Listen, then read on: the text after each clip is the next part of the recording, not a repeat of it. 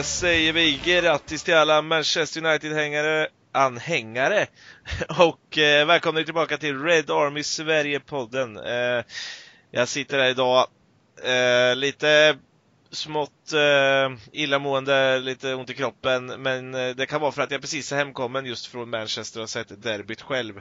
Men med mig har jag som vanligt Adam Stenberg och Mikael Krekola. Välkomna gubbar! Tack Jonas! Tack, tack! Eh, ja, som sagt. Eh, jag tänkte bara faktiskt starta igång allting. Vi fick en fråga. Vi kommer köra lite frågor sen i slutet, som vanligt. Och det här kan förtjäna en skål. Det var Love Lernberg som skrev eh, Vilken jävla känsla. Kan man känna sig bättre efter en sån kväll? Och eh, nej, jag har nog aldrig känt bättre. Det ska sägas att det här var min första resa till, till Manchester och få se ett derby där vi vinner med 2-0 var väl kanske det ultimata resultatet. Ehm, jag eh, har nog aldrig varit gladare och inte varit hesare heller. Nu börjar rösten ändå komma tillbaka lite.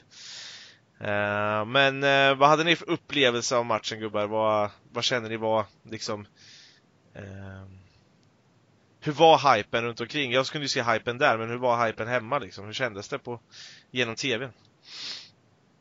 Jag vill ändå eh, poängtera det mentala, att vi är så jäkla så fokuserade den här matchen och mm.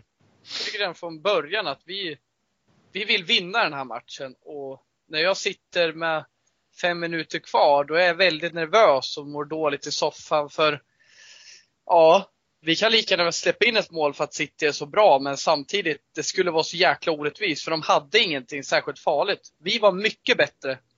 De har mycket mer bollinnehav, men det spelar ingen roll för det är vi som hotar. Och kort och gott, vi är starkare, vi skapar mer målchanser, vi förtjänar mer mål. Och mm. där bottnar i jävligt stark insats mentalt, taktiskt. Eh, jävla fin insats från samtliga spelare. Det är ingen som, alla är godkända och mer. Eh, På vissa håll. Jävligt. Ja men jävlar, fan vad skön känsla det var efter matchen. Och det är ett hopp om framtiden. Vi vet att vi är bra eh, mot lag som för spelet. Men samtidigt, jag börjar känna mer just nu. Det, det är mycket mer än så. Vi har ett, en tydligare eh, bild. Eh, både mot lag som backar hem och lag som styr oss nu. Mm. Ja, det, det kändes ganska mycket tryggare den här gången. Om vi, om vi tar till exempel jämför matchen på Etihad i ligaspelet, då skapade ju City rätt mycket mer och var ganska mycket bättre. Eh, egentligen spelmässigt och, och chansmässigt ändå. Men eh, nu tycker jag United eh, rent chansmässigt utklassar City, för City skapar ingenting, precis som du säger. Och City känns eh, väldigt uddlösa matchen igenom. Även om jag tycker United är suveräna, så måste jag säga att jag tycker att City är jävligt dåliga. Eh, de lyckas aldrig komma bakom vår backlinje på något sätt. Så hotar aldrig med några djupledslöpningar överhuvudtaget egentligen. Ehm, så jag, tycker de, jag tycker vi klarar av dem på ett lugnt och tryggt sätt. Och det, det är väl det jag har blivit mest imponerad av på slutet med United. Att liksom vi har fått in självförtroende i laget. Det känns tryggt. Jag kände mig inte orolig när jag såg 1-0 och sitter och rullade runt. Jag kände att nej. nej, det här har vi. Och ja. det finns ett helt annat lugn i laget, ett helt annat självförtroende. Och det stavas mycket Bruno Fernandes. Men också att vi börjar få tillbaka spelare. Vi kan, vi kan göra byten. Vi kan slänga in McTominay som sedermera gör ett fantastiskt mål som jag har sett 35 gånger nu. Vi kan liksom förändra saker. Vi kan slänga in Igalo som som tar emot bollar som han aldrig har gjort något annat. Bebata ja, av klass på några grejer han gjorde. Vilket inhopp han mm. gör! Ja, alltså han gör ingenting. Egentligen så gör han ju ingenting utöver det vanliga så, så att säga, men vi är så jävla törstiga efter sådana saker. Att vi, vi har inte riktigt någon som... Vi har inte riktigt kunnat förändra matchbilder så mycket den här säsongen med, med våra inhoppare. Så det är, ja, det är den, ja, sammanfattningsvis kanske en trygghetskänsla kan man säga. Mm. Men Fernandinho måste ju ha haft en riktig jävla pissmatch alltså, för att han, han blir ju dels ganska tydligt i alla fall uppifrån det jag sa, mobbad utav Martial. Martial är riktigt mm. på tå den här matchen. Och sen när de slänger in Igalo på det också som står och trampar honom i, eh, på tårna och, och uh, håller bort honom. Det kan inte varit jätteroligt. Nej. Nej, då kommer nästa mobbare. Ja. Men Martial var verkligen bra. Det var, mm. det var kul att se. Att han, han visade upp alla sina tekniska, tekniska grejer som han alltid gör. Men nu så det kändes verkligen som att han offrade sig för laget. Mm. Han, jag har aldrig sett honom springa så här mycket. Jag tyckte även att han var bra i, i bollmottagningar och han var bra överlag. Mm. Tycker jag. Men alltså, var... Jag tycker vi vinner mot all, på alla platser i, eh, på plan så vinner vi. Du snackade mm. nyss om Fernandinho blir mobbad av Igalo och Martial. Mm. AVB mobbar Sterling. Shaw och Williams neutraliserar Foden helt. Han får knappt hålla på. Han får köra lite inlägg i andra halvlek. Men liksom, han får inte hota. Eh, Gündogan borttagen av Fred och samma Bernardo Silva och Rodri, ja, som jag tycker Rodri är sjukt överskattad. Han har ju inte någon koll på Bruno liksom. Och, och Fernandinho, nästan larvigt vad han blev. Alltså han vann ju inte snickdueller mot Martial. Det ska ju sägas att Martial har ju tuffat på sig men samtidigt Fan, Fernandinho, det, jag fattar inte hur han kan spela honom som mittback om jag ska vara ärlig. Och samma med, samma med vad heter han, Sinchenko mot, uh, mot James. Hade också ja, tufft.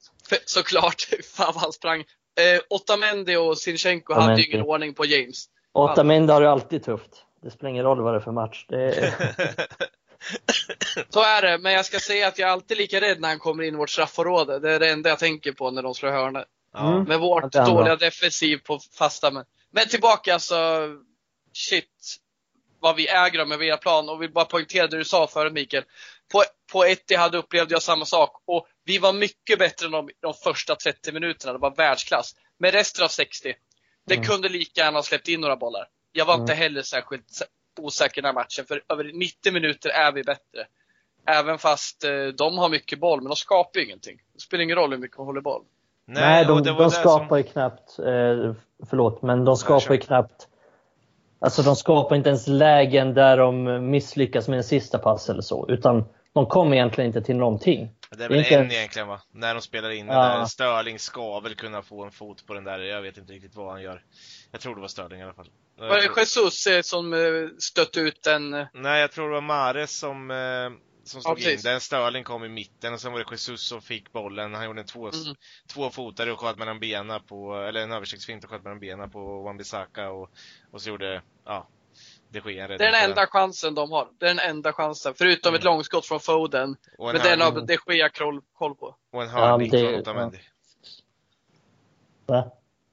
Ja, Otamendi, Oj, det. Otamendi nickar typ, eh, ja, övre, han nickar, vet ja nättaket fast på Ja, där kan vi verkligen snacka uh, halvchans. Ja, men det, det, efter chanser. Ja, men jag bara säger, det var ju typ det som var. Jag tycker ju att uh, Foden skott är ju verkligen också en halvchans. Det är ju bara en, ja. han testar ju bara. Det ska ju ganska mycket till att uh, det, det Gea ska släppa in dem där. Men uh, det är, bara att kolla deras, det är bara att kolla deras XG. De hade ju 0,64 eller någonting ja, sånt. United nu, nu skäms jag bara för att jag såg det igår, ja, men det var... igår kväll, så jag kommer inte ihåg exakt, men någonting 0,64 eller så. 0,6 någonting var det i alla fall. Och ja. United hade 1,4 eller 1,3 eller något sånt där. Så att, eh, mm. ja, vi vinner ju matchen i de statistiska delarna också ganska rättvist. Men mm. någonting jag verkligen imponerades av så var det Matic positionsspel. Alltså han står ju rätt ta med fan hela tiden. Alltså jag, jag, jag satt, satt och tittade ett tag. Där I första halvlek så hade jag lite dubbelsyn så jag fick sitta och titta med ett öga. Kan berott på en, en gul alkoholhaltig dryck. Eh, men jag satt ändå och kollade rätt bra. Och, och, och verkligen så jag känner bara, alltså han är rätt hela tiden och tillsammans med Fred då som är överallt hela tiden och mobbar varenda jävel han bara kan mobba. Mm. Så, så i sådana här matcher så är det ju fantastiskt bra att ha när de har formen inne också. För vi vet ju alla att ja, men när Matic inte är i form, ja men då, då, då går det lite för fort ändå. Men nu är han ändå uppe i, i sin höjd som han ska vara i. Mm. Eller kan ha i alla fall, som vi har sett förut några gånger. Och då, då ser det jävligt bra ut och då när man har, även om jag tycker Bruno Fernandes, eh, han är ganska, från vårt perspektiv i alla fall, ganska blek i den här matchen. Han, han syns inte så mycket, men sen så gör han den där frisparkschippen och han han tar sig ändå till vissa grejer och man märker bara de här enkla sakerna. Någon skarv här, någon skarv där som tar oss ur krångliga situationer. Det, blir så jävla dynamik där inne så man, man blir nästan tårögd alltså. Mm. Nej, nej, du har rätt i det. Han är inte så framträdande idag. Eller idag, i, mm. igår.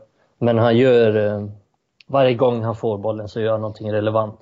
Även fast det kan se ut som en enkel sak så är det ändå det är en sak som, han gör saker som gynnar laget hela tiden. Och mm. Det är ju saker som eh, hans företrädare inte riktigt har kunnat leverera. Eh, vad gäller Matic så absolut så är det. Jag tänkte innan matchen, ska vi få in McTominay på något hörn eller så? Det går inte att peta Fred eller Matic i den här formen. Och det gjorde Ole helt rätt. För det går ja. inte. Och Matic var fantastisk igen. Och, och Fred var också, var också fantastisk. Um, uh, Matic har ju, jag tror jag läste de 20 senaste matcherna, så har United hållit nollan i 14 av dem när han har spelat. Mm. Så att han är helt klart viktig för defensiven. Och det, ett av Citys få nästan lägen så kommer faktiskt han in och räddade i sista stund. Han kom in i straffområdet. Så han gör ju sådana saker som... Maguire där, då kommer Ja, exakt, exakt. Han är så jävla smart där, för han, ja. han ser det liksom, han ser det komma och är ju därför steget före. För hade han tänkt att den här tar Maguire och slappnat av, då hade det varit mål. Mm. Eh, och det, det är så viktigt att, att göra sådana saker och fullfölja den situationen. För det är så lätt att tänka, ja men Maguire har den. Men, han, men han tänker inte så. Och väldigt mycket mot Everton också och tidigare matcher också så kom han ju in i straffområdet hela tiden. Det som jag tyckte Michael Carrick alltid gjorde bra.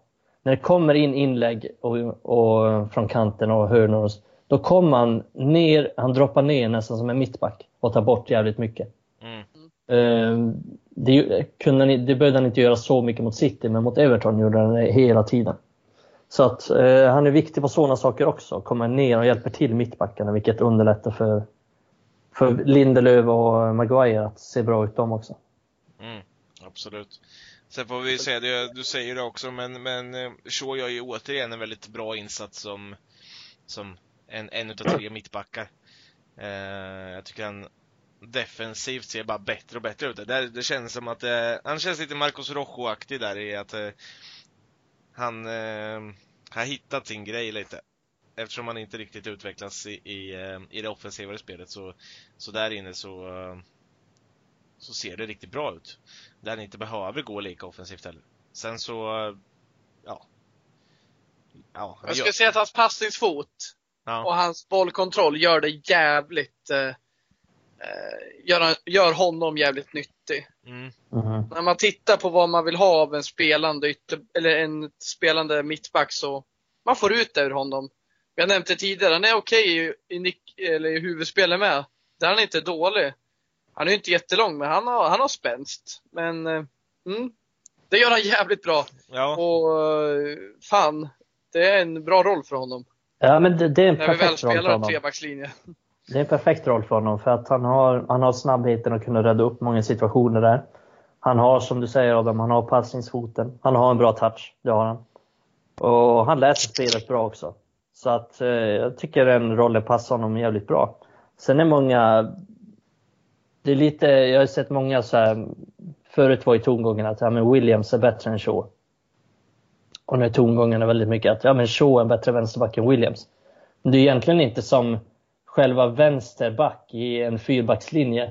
Nej. Williams har gjort bort sig och Shaw har steppat upp. Utan det är egentligen Williams har inte riktigt kommit till sin rätt som, eh, som wingback. Och eh, Shaw har kommit till sin rätt som eh, mittback i trebackslinje. Så det är lite skilda roller där. Egentligen, så man blandar ihop det lite. Det, det är lätt att blanda ihop det och tänka att ja, men det är så eller så nu. Men eh, just de här rollerna tycker jag, den passar så bra och dessvärre passar den inte Williams särskilt bra. Nej, eh, för det där har vi väl Även om han, eh, han gör ju sitt jobb defensivt och man ser ju hur mycket han springer bara för att han älskar det där klubbmärket han har på bröstet och det, det är ju mer än, än vackert att se men han, han blir ju lite osynlig i de här matcherna. Det har han blivit i de senaste matcherna han har spelat, framförallt som wingback. Uh, vilket är lite tråkigt för Williams, men, men han gör ju inte någon dålig insats. Det är ju inte det. det. Det handlar ju bara om att han kanske inte får visa sitt bästa. Känns det som. Mm. Ja men lite så är det. Jag tycker han är bra när han väl kommer upp. Han slår ett bra inlägg till Bruno Fernandes till exempel som, mm. som misshandlar lite. Så jag tycker de få gångerna, han kommer inte upp så många gånger tyvärr. Men de få gånger han kommer upp så tycker jag han bidrar och han sköter defensiven helt okej. Okay. Han har lite problem med, med Mares när han kommer in men det är ju mest för att han, han inte spelat så mycket på sistone. Jag tror han tröttnade lite. Eh, vad skulle jag komma till? Jo men eh, det passar inte riktigt där. Jag har varit inne på det tidigare i podden utan att den rollen passar inte honom så bra. Han ska ju komma lite han ska komma lite från en djupare position och fylla på. Mm. Nu, blir, nu blir han lite mer av en, alltså om vi säger att han ska vara en wingback, då blir han lite mer av en playmaker. Att han ska ha liksom mm. bollen på mittplan och styra lite mer. Det är en roll som kanske passar Alexander Arnold bättre. Om vi tar en jämförelse med Liverpool. Men, men som inte passar Williams som har mer liksom lever på fart och inställning och, och blir det inte lite att energi. Försvaret förväntar sig att han ska komma också hela tiden när han är wingback. Alltså det är hans kant. Ja men det är honom vi ska se upp med där ute. Mm. Eh, men när han kommer som vänsterback så har de alltid en till att se upp med. Alltså när vi spelar James eller Rashford och så där ute. Och då får han de här ytorna att överlappa och då blir det alltid de här två mot en lägena. Han får inte riktigt samma hjälp där ute nu eh, med löpningarna. nej men exakt. Ja, nej men det håller jag med om.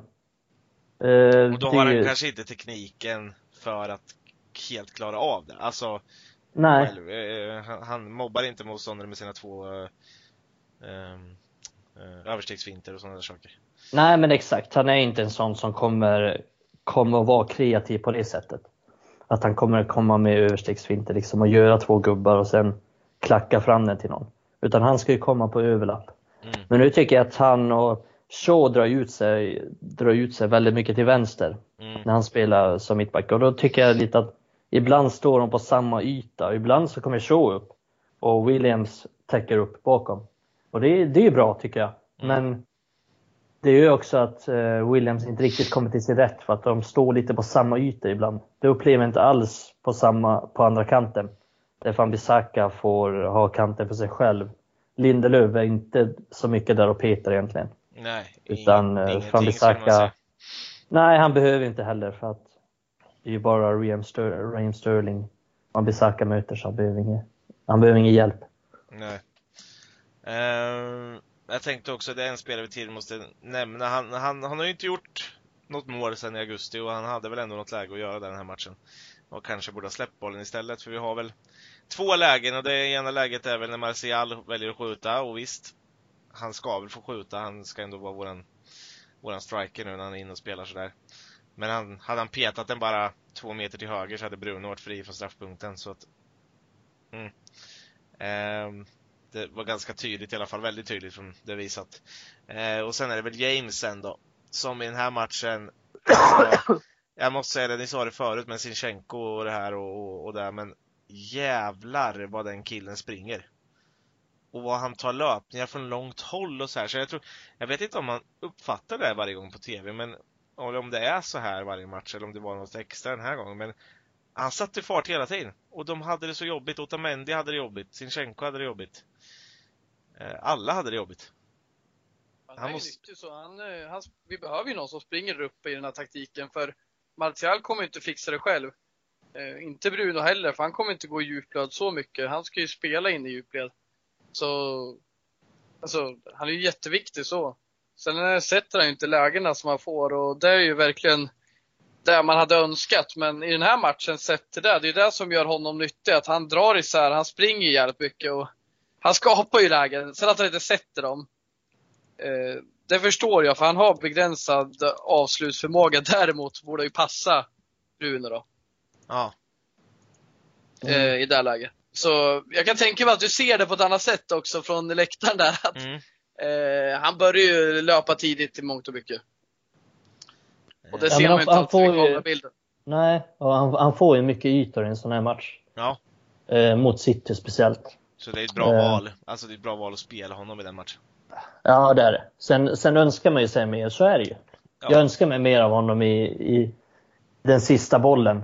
Dels ska han ju kanske göra ett mål, men han kanske, framförallt kanske han ska avsluta bättre i alla fall.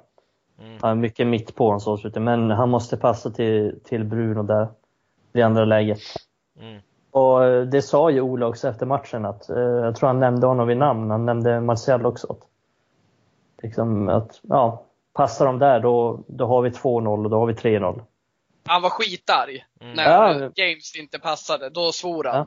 Ja. Mm. Då såg han ut, eh, ja, han såg ut att vilja byta ut honom direkt. Och jag tycker det är kul att Ole börjar sätta de kraven sen någon månad tillbaka. Att han liksom börjar uh, ge konsekvenser för handlande. Så mm. Det här är något han kommer att gå igenom med James. Och gör han bort sig igen, ja men då får han väl inte spela på ett tag. Det är den känslan jag får i alla fall. Sen får vi hålla det osagt om det blir så. Jag vill, när vi ändå är inne på Ole, lyfta upp det han gör. Att han vågar byta ut Martial med 10-15 minuter kvar och Fernandes. Två väldigt inflytelserika spelare som varit bra. Och fan vad skit han hade fått efter matchen. Om det hade inneburit att vi tappar poäng. För mm. det är många som är heta nu. Och så, men det, det behövdes. Det var inte så att Martial skapade något extra värde just då. Men hade vi släppt in ett mål, då hade man saknat honom. Och då hade Ole fått höra. Men jag vill bara säga, jag tycker det, det ska han ha. För vi har ju snackat om att spelarna själva verkar bestämma när de ska bli inbytta eller utbytta. Men det här är Oles beslut att ha och det gör han bra. Och McTominay gör mål, det säger väl allt. mm. ja. det, det kändes lite risky på förhand när han bytte ut dem. Jag reagerade lite, eller jag... Ja men det är vågade byten liksom. men jag kände, och man måste ja. väl göra vågade byten som tränare. Så är det. Om man vill eh, vinna. Ja, och jag tänkte, ja, hur ska det gå? Om City kvitterar liksom, vad har vi då framåt? Mm. Men det blev ju en, eh, blev en icke-fråga. Men på tal om det så måste man ge cred till Ola också för hans jobb just med de offensiva spelarna.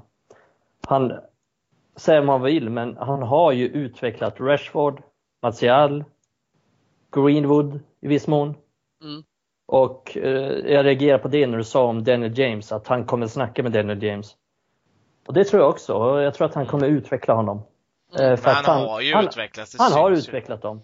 Och det är, det är väl det jag ser mest tydligt liksom, vad gäller spelutveckling. Så. Han, har, han har utvecklat de offensiva spelarna, eller, eller inte offensiva spel, men de anfallarna helt enkelt. Rashford, Martial, Greenwood. Som den gamla anfallaren är så har han ju koll på sånt. Han har bra koll på rörelsemönster, hur man ska röra sig, hur man ska avsluta. Mm. Uh, och jag tycker att det har blivit tydligt. Och han har ju verkligen satt sin prägel på Martial också vad gäller inställningen. Som han, han nämnde den innan, att Martial måste verkligen, eh, vad sa han, bryta, näsa, bryta näsbenet för att mm. ta sig fram. Och det tycker jag han har börjat göra. Han... Vi har sett resultat, har vi. Ja. Det är ju, verkligen. Det, men det är ju verkligen dit vi vill komma.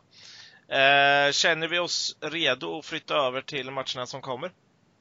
Absolut. Mm.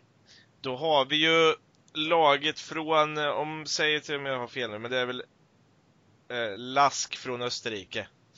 Jag ja. har extremt dålig koll på de här killarna, eh, österrikiska klubbarna. Jag vet ju vad de heter ungefär. Eh, men eh, det som känns, vi har ju dem i Europa League. Paul Scharner tänker du på. Precis.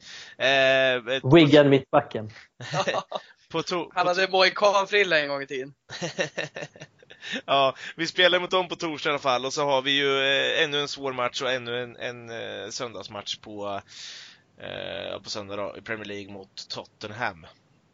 Eh, så att det är ännu en vecka med två matcher.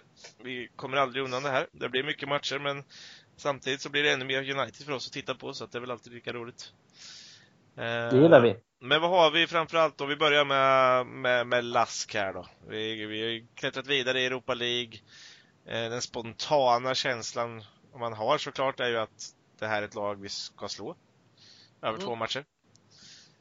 Eh, men sen är frågan, det är ju alltid lite lurigt med sådana här lag. Eh, har du något gott att bjuda på där Adam?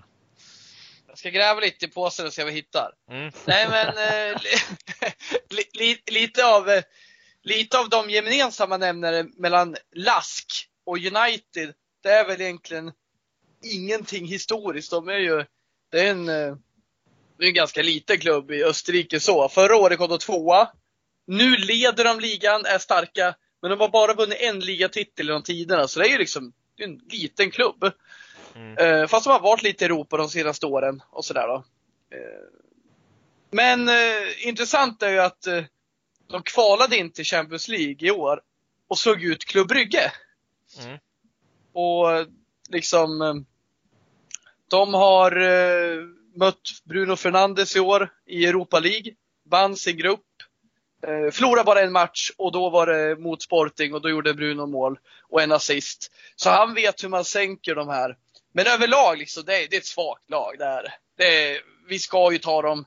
Um, och det finns inga riktigt intressanta spelare att nämna, men det är, det är en österrikisk kärna, ganska ungt egentligen. Mm. Och ja, men bra. De har ju liksom vunnit mot Rosenborg, de har vunnit mot PSV. De, de är inte så dåliga kanske som man ska tro när man hör Lask, men vi är bättre än dem. Och jag mm. tror vi skulle, precis som mot eh, eh, de vi mötte senast, kunna vinna utan att ställa upp det bästa laget. Liksom. Mm. Eh, vad, jag förstått, vad jag förstått är de väldigt innovativa. Va? Lite som Midtjylland där i, i Danmark. Liksom att mm. de har kommit upp och har lite speciella idéer och tankar. Och hur man ska spela och så. Som jag har förstått det har de någon slags väldigt högt pressspel. Ja. Eh, och de leder ju, som du sa, de leder ligan för eh, Salzburg. Som ändå satte ganska stor press på, på Liverpool i, och, och Napoli. Så att det är ändå starkt. Eh, då hade de ju förvisso, då hade ju Salzburg, eh, Håland och Minamino. Minamino också. Och de har de ju tappat nu men, men ändå, de leder ligan för dem så att någonting rätt gör de ju. Men om man har liksom lite begränsade resurser, man är en ganska liten klubb. Deras hemmaarena när de spelar vanliga ligamatcher, då har 6000 eh, säten. Liksom. Mm. Ja men 6000 pers kan komma in, ni hör ju. Det är ju och, och, och som du säger Mikael, då är det väl där, okej, okay, vi har inte så mycket pengar, vi har inte så mycket resurser egentligen. Eh, vad gör vi? Jo, men vi, vi tänker utanför ramen. Mm. Vi kan taktiskt bemästra dem, vi kan göra si och så. Och, och det är väl det, jag, jag hade ingen aning om det, men det är jätteintressant. Och det är väl lite så folk, eh, eller man får göra när man inte har de ekonomiska musklerna. Och bara en sån sak att de har en kärna, men de har någon brasse på topp som heter typ Klas eller Klaus. Utöver det har de nästan bara österrikare. Ja, jag vet inte, Klaus eller Klas kanske. Jag tycker vi kallar honom Klas. Klas! Ja, Klasse. brassar med artistnamn. Ja. Så, ja men det ska bli spännande. Jag har verkligen inte sett dem, men samtidigt, de förlorar bara en match i gruppspelet. Och PSV, det är inget pisslag så liksom. Så de har ju något där. Och så du nämnde det, de är ju bättre än i Salzburg. I, i 16 del, eller? Ja, det stämmer. Och de känner vi igen. Ja. Alkmaar är inte så speciellt bra, men jag tänkte bara, visst, visst var det så? Mm. Vi spelade ju kryss mot Alkmaar. På, mm. liksom, och de, de vann båda ganska, matcherna. De var ganska enkelt mot Alkmaar, eller? Uh, ja. Uh, ska se, kan jag kolla? Fan vad jag sitter och gissar här, men nu får lite... Mm, mycket killgissning här. Under tiden Nej, 2-0 jag... och 1-1 blev det. Så... Ja, det, det är enkelt, det är enkelt.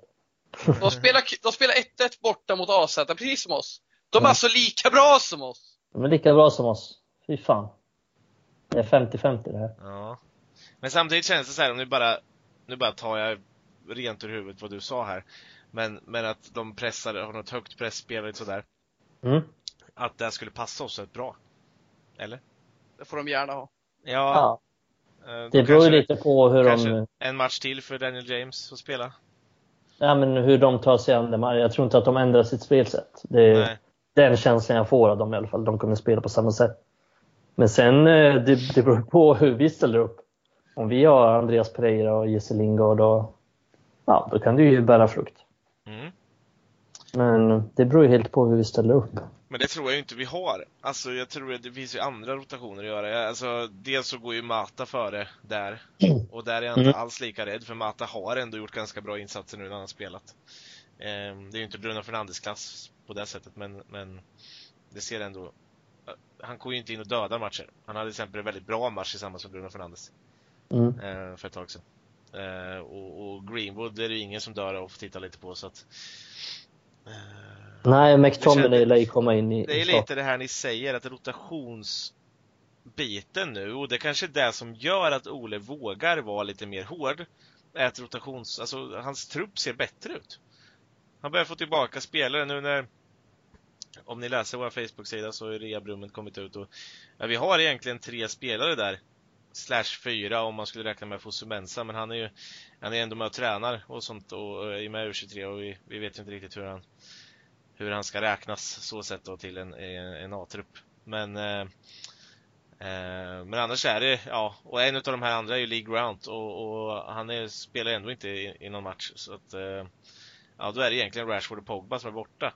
Ja, då ser det helt plötsligt med vissa värvningar ganska bra ut igen. Mm. Eh, inte, det är inte någon supertrupp, men det är en trupp som vill spela, en trupp som, som mår väldigt bra just nu. Mm. Det är som jag var inne på tidigare, vi har lite alternativ nu. Mm. I matchen mot City så kan vi göra förändringar från bänken. Och jag tänker till den här matchen så lär ju McTominay till exempel starta. Absolut. Tänker jag. Så att det, det, ja, vi, kan vi har lite mer att jobba med. Mm. Eh, och, och, man kan slänga in Greenwood och låta Martial kanske vila lite och spela Martial och James, eller Greenwood och James om det är så. Ja, och Igalo. Eh, ja, Igalo kan spela. Alltså det finns ganska, det, fin, ja, det, det finns grejer att göra i alla fall. Eh, sen, sen, så skulle man ju kunna önska att det var ännu bättre, absolut. Man hade ju gärna haft någon istället för Diogo Dalot att slänga in. Eh, hade gärna haft Messi i laget, han är rätt bra. Ja, han, han är ganska duktig. Eh, nej, men det, det, känns ju väldigt på något sätt intressant eh, inför sådana här möten också. Det är ju Vi roligt. skulle ju behöva klämma till dem rätt ordentligt nu i den här matchen för mm. returmatchen och sen torsdag veckan efter. Nu går jag lite händelserna förväg, men då efter den har vi två dagar kvar till nästa match. Mm. Eh, FA-cupen mot Norwich. Så det känns som att liksom man vill kunna avgöra det tidigt. Om det är så. Mm. Eh, absolut. Ska vi flytta över och prata lite Tottenham också då, eller? Ja, Tottenham lär ju sy ihop, alltså det kan vara mm. intressant att se kontra den här matchen, Tottenham, mm. söndag då. Eh, vi kan liksom vila rätt många spelare och nog ändå göra en hyfsad insats mot Linz. Men sen på söndag mot Tottenham, då är det ju sannerligen dags att ha bästa elvan igen. Absolut. Mm. Uh, ett Tottenham i brygga, skulle jag säga. Mm. Ett Tottenham med Mourinho, skulle jag säga. det är fakta. Uh, fem raka matcher utan vinst. Mm, det har vi fallit emot förut. Ska sägas att det inte varit helt enkelt vissa matcher för dem. Men det är fortfarande fem raka matcher utan vinst. Uh, och nu är Harry Kane tillbaka i träning, kommer nog inte vara klar till vi möter dem. Har jättesvårt att tro. Mm. Uh, men han är, han är med och ja, men tränar lite försiktigt liksom. Uh, Son är borta. Uh, livsglädjen är borta.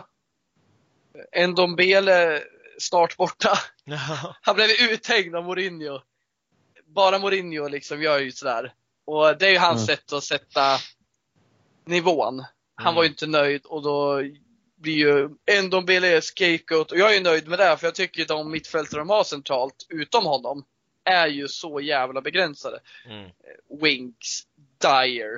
Eh, jag tycker Wanjam har ju dragit nu, det är en spelare jag tyckt varit bra. Men han är borta och Ndombele kommer inte få spela. Nej, Fan, jag är trygg med det här. Jag är jättetrygg med det här. Och senast hade han till och med petat eh, Mora, som jag ser som en bra spelare. Mm. Men Mourinho, han rör ju runt nu. Han hade Aldeweireld som högerback senast. uh, alltså, det är ju ett bevis. Han, han ville visa att jag är inte nöjd med mina ytterbackar. De är jättedåliga. Och det håller jag med om. Ja. Rier och Davis, nej, det är inte bra. Uh, jag känner mig med andra ord trygg med det jag säger nu. Det känns fan i mig, vi ska vinna den här matchen. Men bara för det så tappar vi väl. För när man var lite skitnödig i december när vi mötte dem, och folk sa liksom att ja, men Mourinho som tränare, de kommer hitta våra svagheter. Mourinho kan vårt lag. Och mm. vi vinner.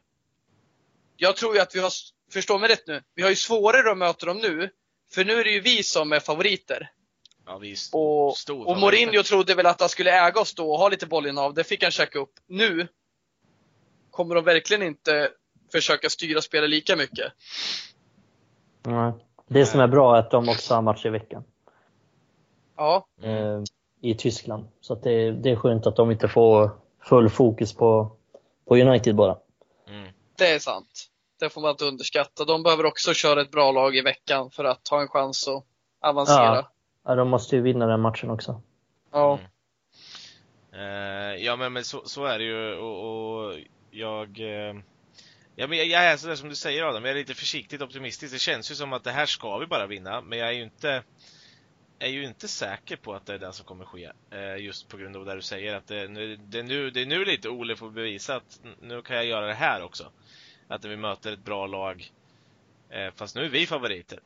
Nu kommer Mm. vi få troligtvis styra och ställa ganska mycket. Ja men hur gör vi då? då? Hur ställer vi upp? Hur, hur approachar vi den här matchen? Och det, det är ganska svårt att säga faktiskt. Jag kan inte riktigt förutspå sådär eh, bara rakt av nu. De, de har ju inte jättemycket hot framåt. De, de, eh, högst troligt så blir det väl Dele Alli som spelar på topp. Skulle jag kunna gissa på. För att kunna, för att kunna försöka mobba Lindelöf lite. Skulle jag gissa på. Ehm, och, Bergwijn och Ja. eh, ja, sen får vi se om det blir Lamela eller, eller Mora då. Ehm, men, men, men ja. Jag, jag är helt med på vad du säger. Det är, så här, det, det är ett lag i, i brygga, det är ett lag som, som vi ska slå om vi gör en, en insats ja, men som, som vi har gjort på sista tiden. Om vi gör de insatserna så slår vi Tottenham som de är just nu. Om inte Å andra, å andra sidan så tycker jag vi är lite väl optimistiska. Vi till exempel, vi var inte bra andra halvlek mot Everton. Nej, i och Och- för sig, men Och det är liksom, åka till White Hart Lane och bara vinna på, per automatik. Det ser jag liksom inte United göra. Även fast, det, även fast jag håller med om att United är favoriter så, så är jag ändå lite, lite skeptisk till det. Jag vill, jag vill se mer bevis ja, men det är det på det här, det vi såg mot City så att säga.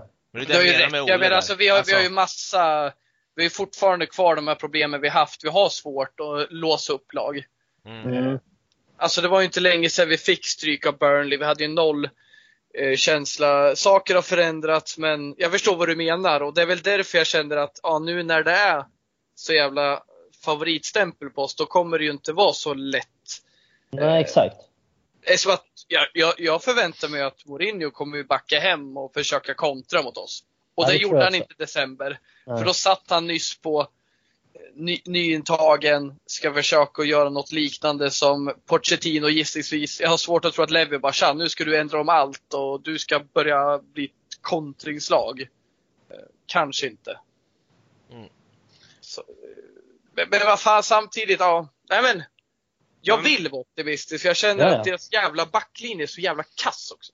Ja, men jag håller med. Vi är, vi är bättre än Tottenham. Alltså, De hade Eh. fem mittbackar på plan i förra matchen. Mm. De hade Fertongen som vänsterback, Aldeweireld som högerback. Och Dyer är ju en mittback. Fan mer mittback än mittfältare i alla fall. Om man ska se på vad han levererar. Mm. Och sen den här Tangana. Ja, Förlåt Tang- uttryck. Vad fan heter han? Tanganga, Ja. tror jag, något sånt där. Ja, om- Tanganga ja. Och sen Sanchez. Eh, Mm. Ja. Han nej, men hittar jag kommer ju försöka här. upp att jag är så optimistisk. Men fan, jag har feeling nu.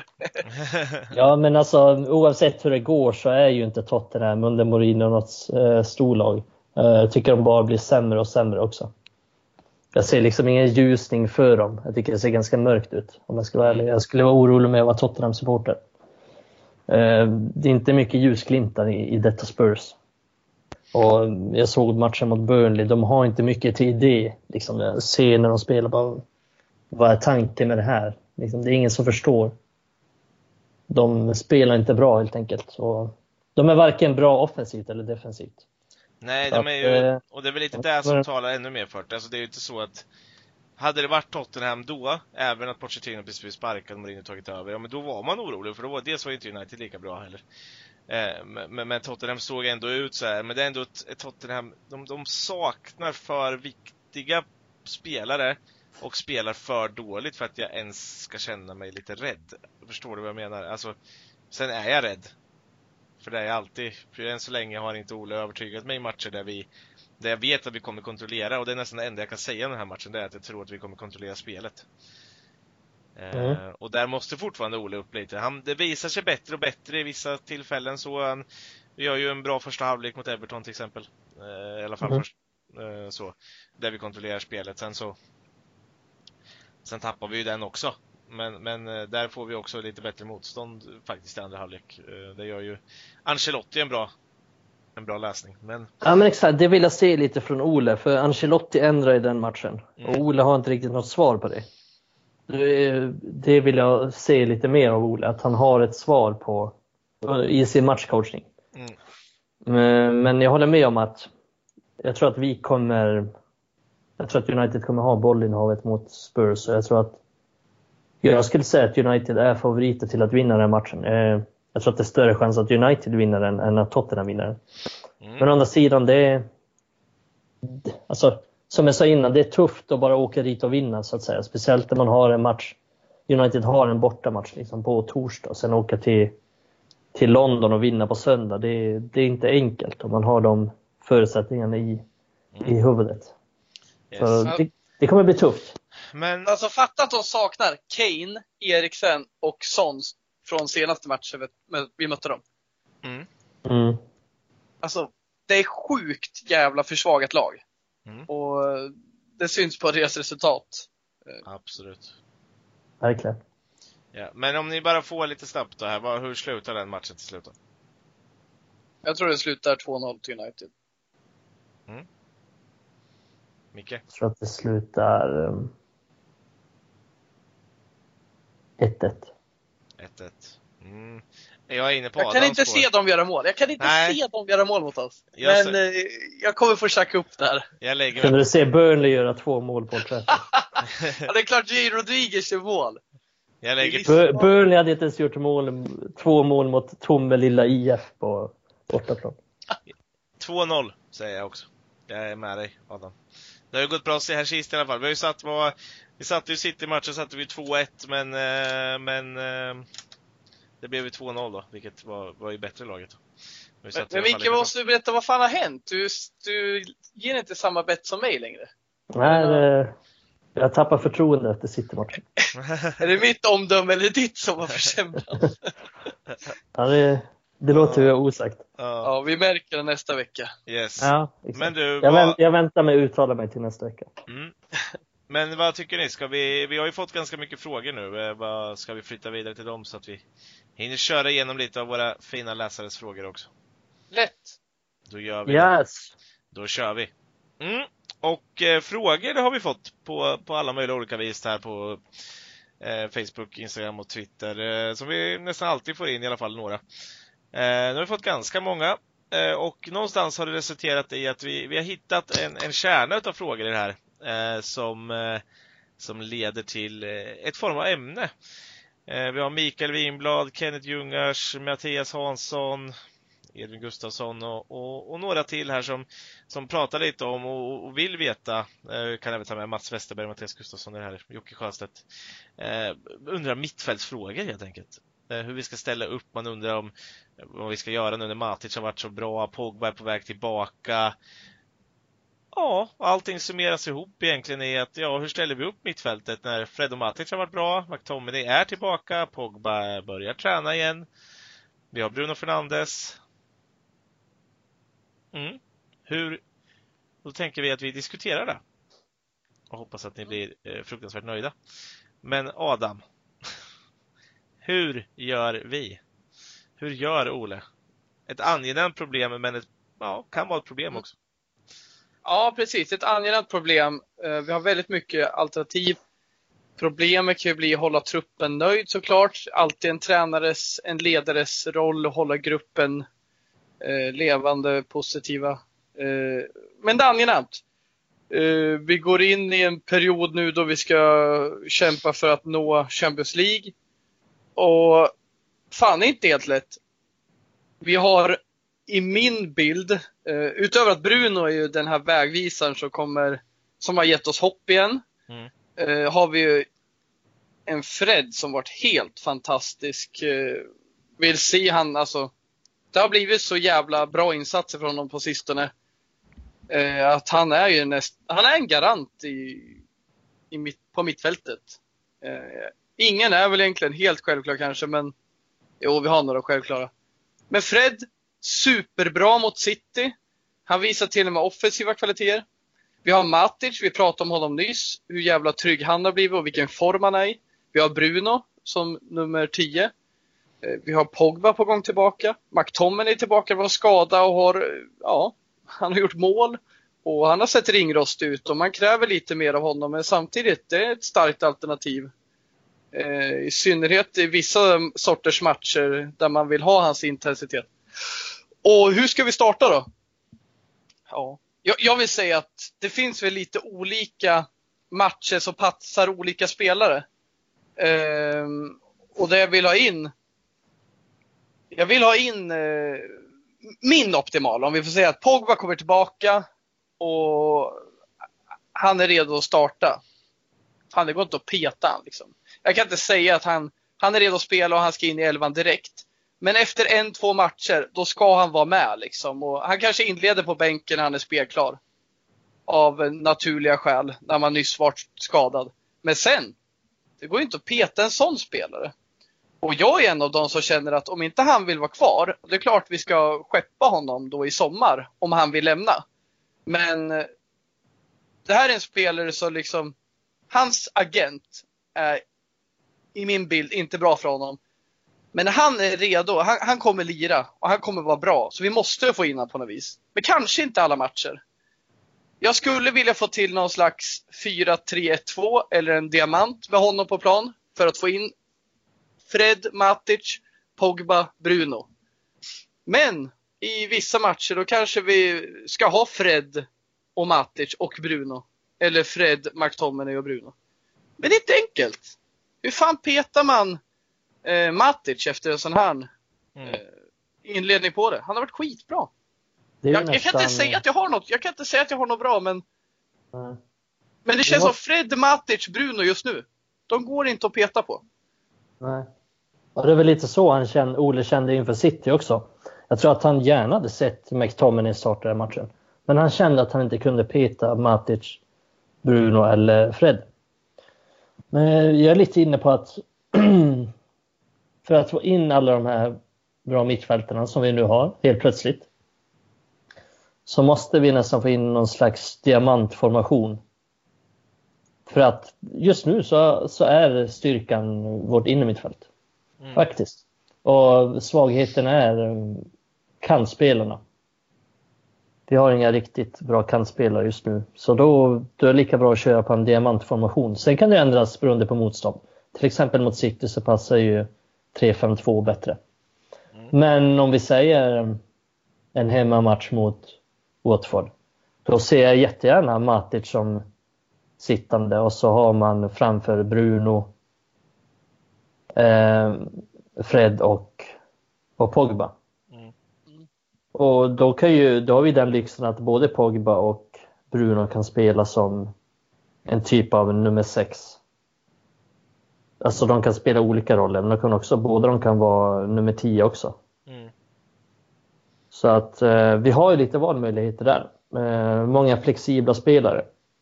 Och jag tänker också att hemma mot något riktigt jävla brödgäng. Burnley som aldrig gör mål mot oss på Old Trafford, aldrig någonsin. Då kan vi ha till exempel Fred som sittande defensiv mittfältare eller McTominay. Så det, det, finns lite att laborera där med. Men jag tänker så här, att vi nästan att vi måste ta vara på det här. När Pogba är här och när Bruno är här. Så länge Pogba är här, att vi måste få in en diamantformation så att vi får in alla dem. Och jag kan se att det passar rätt bra. Ja, och, och jag är väldigt mycket inne på det du säger Adam, att problemet är ju ändå angenämt. Alltså jag, jag, jag, jag tycker det du säger här, att diamantformationen är väl det mest optimala för att få in så många som möjligt.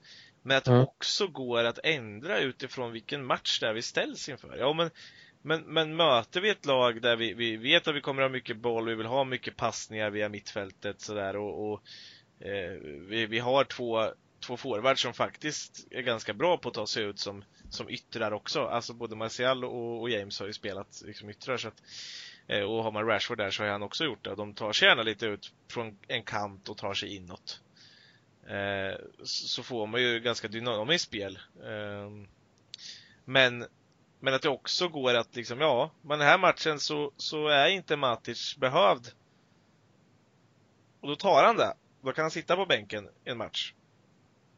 Men det är ju ändå att vi sätter en bra spelare på bänken då istället för att vi, som det har varit under stora delar av det här året och vi var så oroliga för innermittfältet att det, vi, vi måste liksom, vi måste spela dåliga spelare istället.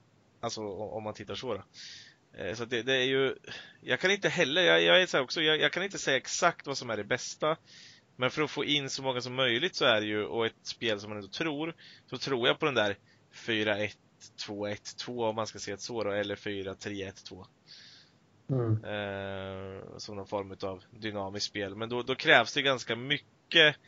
Eh, vi såg ju själva där då att McTominay har ganska mycket att lära om man ska vara den högra delen där. Eh, för att de spelarna måste kunna gå ut på kanten och göra en del också. Pogba har inga problem, han spelade ju den där rollen i, i, i Juventus under en stor tid och har gjort det i franska landslaget också. Och, och gillar att gå ut på kanten och hålla på lite. Eh, så där är man ju inte rädd. Eh, och, Bruno tror jag inte skulle, ju inga problem med det heller, vad, han har visat. Så att, ja, nej men det, det, krävs ändå ganska mycket av de här andra spelarna då med. Eh, och, och sen har vi det där problemet där som vi har tagit innan att passar det ihop med resten av laget? Ja, kanske. Mm, jag tänker att det, pass, det borde passa anfallarna ganska bra. Nu har vi ju Everton mm. i färskt minne. Då var inte McTominay bra. Det kan ju också vara en ingångsföreteelse. Det är ja, så att... Nej, men så han måste lära sig.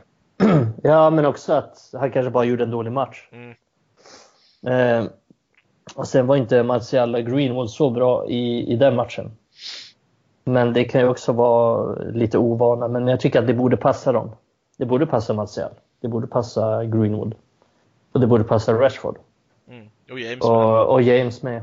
Om han spelar den rollen. Så jag kan se att det ser ganska bra ut. Men sen, ja, det kommer upp mycket matcher. Vi är kvar i FA-cupen, Europa League, i ligan. Mm.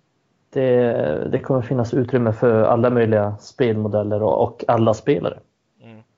Ja, men man blir ju, det är väl kanske det som gör att man inte blir så orolig heller. Att, ja, men när vi möter Lask och även om vi skulle rotera lite då.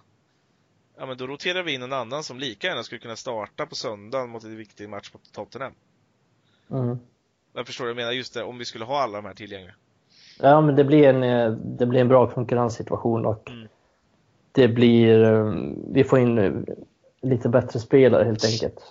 När, när vi har roterat innan den här säsongen, då har det tyvärr varit lite för undermåliga truppspelare. Men nu, nu har vi lite bättre bredd.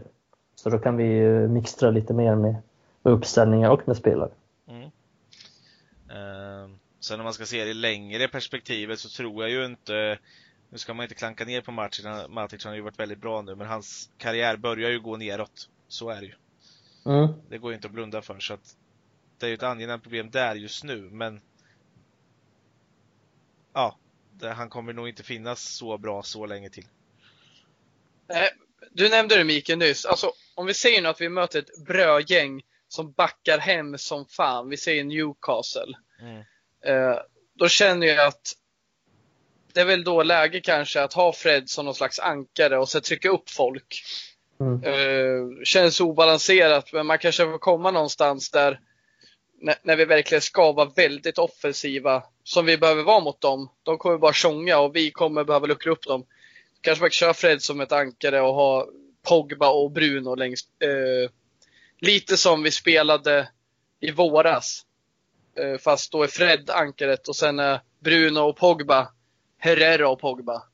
Mm. Problemet är att Bruno är inte den tvåvägsspelare kanske, han ska ju vara lite tia men liksom få upp väldigt eh, kvalitativa, kreativa spelare högt upp i plan. Mm. Och ändå ha Fred som ja, lätt klarar av att eh, vara en, ett ankare mot Newcastle som, som inte har så mycket spelare högt upp i plan. Eh, till exempel mot City skulle inte Fred klara sig vara själv. Då behöver han Matic bredvid sig eller McTominay. Mm. Men det är en annan bild mot Newcastle. Och allt ställer ju till det när man ska in Pogba i det. Ställer till det. Det, det ska ju vara bra. Men det är då det blir jobbigare att få ihop elvan. Och det är klart, det är inte helt balanserat att bara ha Pogba och Bruno framför eh, Fred då. Men eh, någonstans känner jag att eh, utan, tills dess vi vet när Pogba är tillbaka, då kanske vi ska köra någon slags Matic, Ankare, eh, eller Matic, Fred och eh, McTominay centralt och eh, Bruno som tia. Mm. Och längst upp har Martial och Greenwood eller Martial och Igalo. Mm. Och då har vi problemen med ytterbackarna, för de har ett jävla stort ansvar då. De behöver fylla på, de behöver eh, generera eh, offensiv kraft. Vi kan inte ha två ytterbackar som stannar vid mittplan när vi redan har så jävla mycket spelare centralt. Du nämnde det bra förra podden Mikael, om vi kör 4-3-2 då blir vi lite som Chelsea spelade en gång och då är vi väldigt eh, starka, tunga centralt. Vilket gör att två av de centrala mittfältarna blir nästan lite yttrar. Därav såg vi McTominay svaghet i den matchen, att han, eh, han bidrog inte på sin högerkant. Offensivt. Um, och, och, det kanske hade sett annorlunda ut om Wan-Bissaka var lite offensivare och så vidare. De klev lite på varandra mm. uh, och slog lite tre meters passningar uh, och kombinera. Mm. Men, uh, och, och, och, i den där frågan så kan vi bara också slänga in då att ni som lyssnar att gå in och lyssna på avsnittet, uh, avsnitt 26 där, Darby och Darby. Eller Derby och Darby, eller vad vi nu uttalar det som. Uh, så får ni höra mycket om det här mittbacksproblematiken där också som kan bli en, en aspekt man måste blanda in i den här diskussionen också. Mm. Uh, mm. Ytterback menar du? Ja, precis. Sa, ja. mm. sa, sa jag något helt annat? Så. Ja, du sa mittbacks. Ja, men menar, du, menar, du menar ytterback? Ja. Nej men exakt, vi tog ju upp det mycket i förra avsnittet. Eh, ytterbackarna måste äga sin kant om vi ska spela en diamant. Mm. Mm, då fördjupar vi oss rejält på ytterbackar, så lyssna på mm. den. Mm. Uh, men som sagt, det är, det är, svårt att peta någon i det här läget och McTominay är ju den som är, förstå mig rätt nu, enklast att peta. Men han vill inte jag peta. Uh, jag ville hellre satsa på honom än Matic. Men är det McTominay som genererar att vi går till Champions League år före Matic? Nej, det tror jag inte. För Matic har varit så jävla bra och vass. Mm. Och ger Fred ett, jag tror han ger Fred ett annat trygghet än eh, McTominay gör. Jag anser att när Matic är med på plan är det Fred som är den som kliver uppåt lite mer plan. Och tvärtom, när McTominay är på plan är det Fred som djupar lite mer och McTominay tar för sig. Eh, och jag tycker som Fred spelar mot City, jag har klanken ner på hans offensiv i år, men den var inget att klaga på mot City. Och det fanns en väldigt tydlig bana mellan honom och Bruno. Där han slår mellan Citys mittfält, Bruno får möjlighet att slå i djupet. Vilket blir ett friläge till James. Friläge vill ta i, men han får en jävligt bra chans. Mm. Ja, men, men och så är det ju. Det är ju det här är ju som sagt väldigt angenäma problem överlag. Eh, vi, vi, kan ju sitta här och säga, och jag är helt med dig på, jag, jag skulle också vilja se McTominay mer än Matic, men som du säger, det, det, det, är viktigt för oss nu när vi har chansen att gå till Champions League att vi, vi tar den och, och eh, eh jag tror också att Matic är den som gör det i så fall. Även om McTominay är bra, han, man, man, kan inte klanka ner på honom på något sätt. Han har varit väldigt bra den här säsongen. Och han hade nog fortfarande spelat om han inte hade blivit skadad. Så att, mm. Det är, eh, möjligheterna ges som man måste ta dem och de har ju verkligen Mattis gjort. Uh, hur känner ni nu gubbar? Vi har, uh, tiden börjar rulla oss lite ur händerna. Har ni något sista ni vill slänga in i den här diskussionen? Ja, jag skulle vilja säga att uh, vi snackar om mittfältet här också. Men något jag tänker på det är att mittfältet, ja, vi kan köra en 4-3-2 och den kanske inte är optimalt. Men jag vill inte köra något 4-2-1-3 för jag tycker inte vi har tillräcklig kraft på kanterna nu när Rashford är borta och James är ur form. Mm. Och Greenwood är inte en ytter, så han ska ju vara anfallare. Så kan vi spela med två anfallare och få till det så har vi tre väldigt bra centrala arbets, äh, anfallsalternativ. Mm. Sen funkar det inte mot Everton, men det var å andra sidan första gången vi körde den eh, formationen. Mm. Det funkar ändå en halvlek. Ja. Och även då såg det väldigt bra ut. Även om anfallarna inte var så superbra. Nej, men eh, vi får väl avsluta med de kloka orden Adam. Eh, och jag vill tacka er som har lyssnat. Eh, jag hoppas ni är nöjda gubbar. Ja, men det är vi. Ja, alltid. Alltid. Eh. Då vill vi som vanligt att ni fortsätter följa oss. Tryck på den lilla följ-knappen på Spotify. Gör det även på Soundcloud, ni kan höra på Acast, ni kan höra på iTunes Podcaster och så glöm inte att följa oss på Facebook, Instagram och Twitter. Så uh, tackar vi för idag!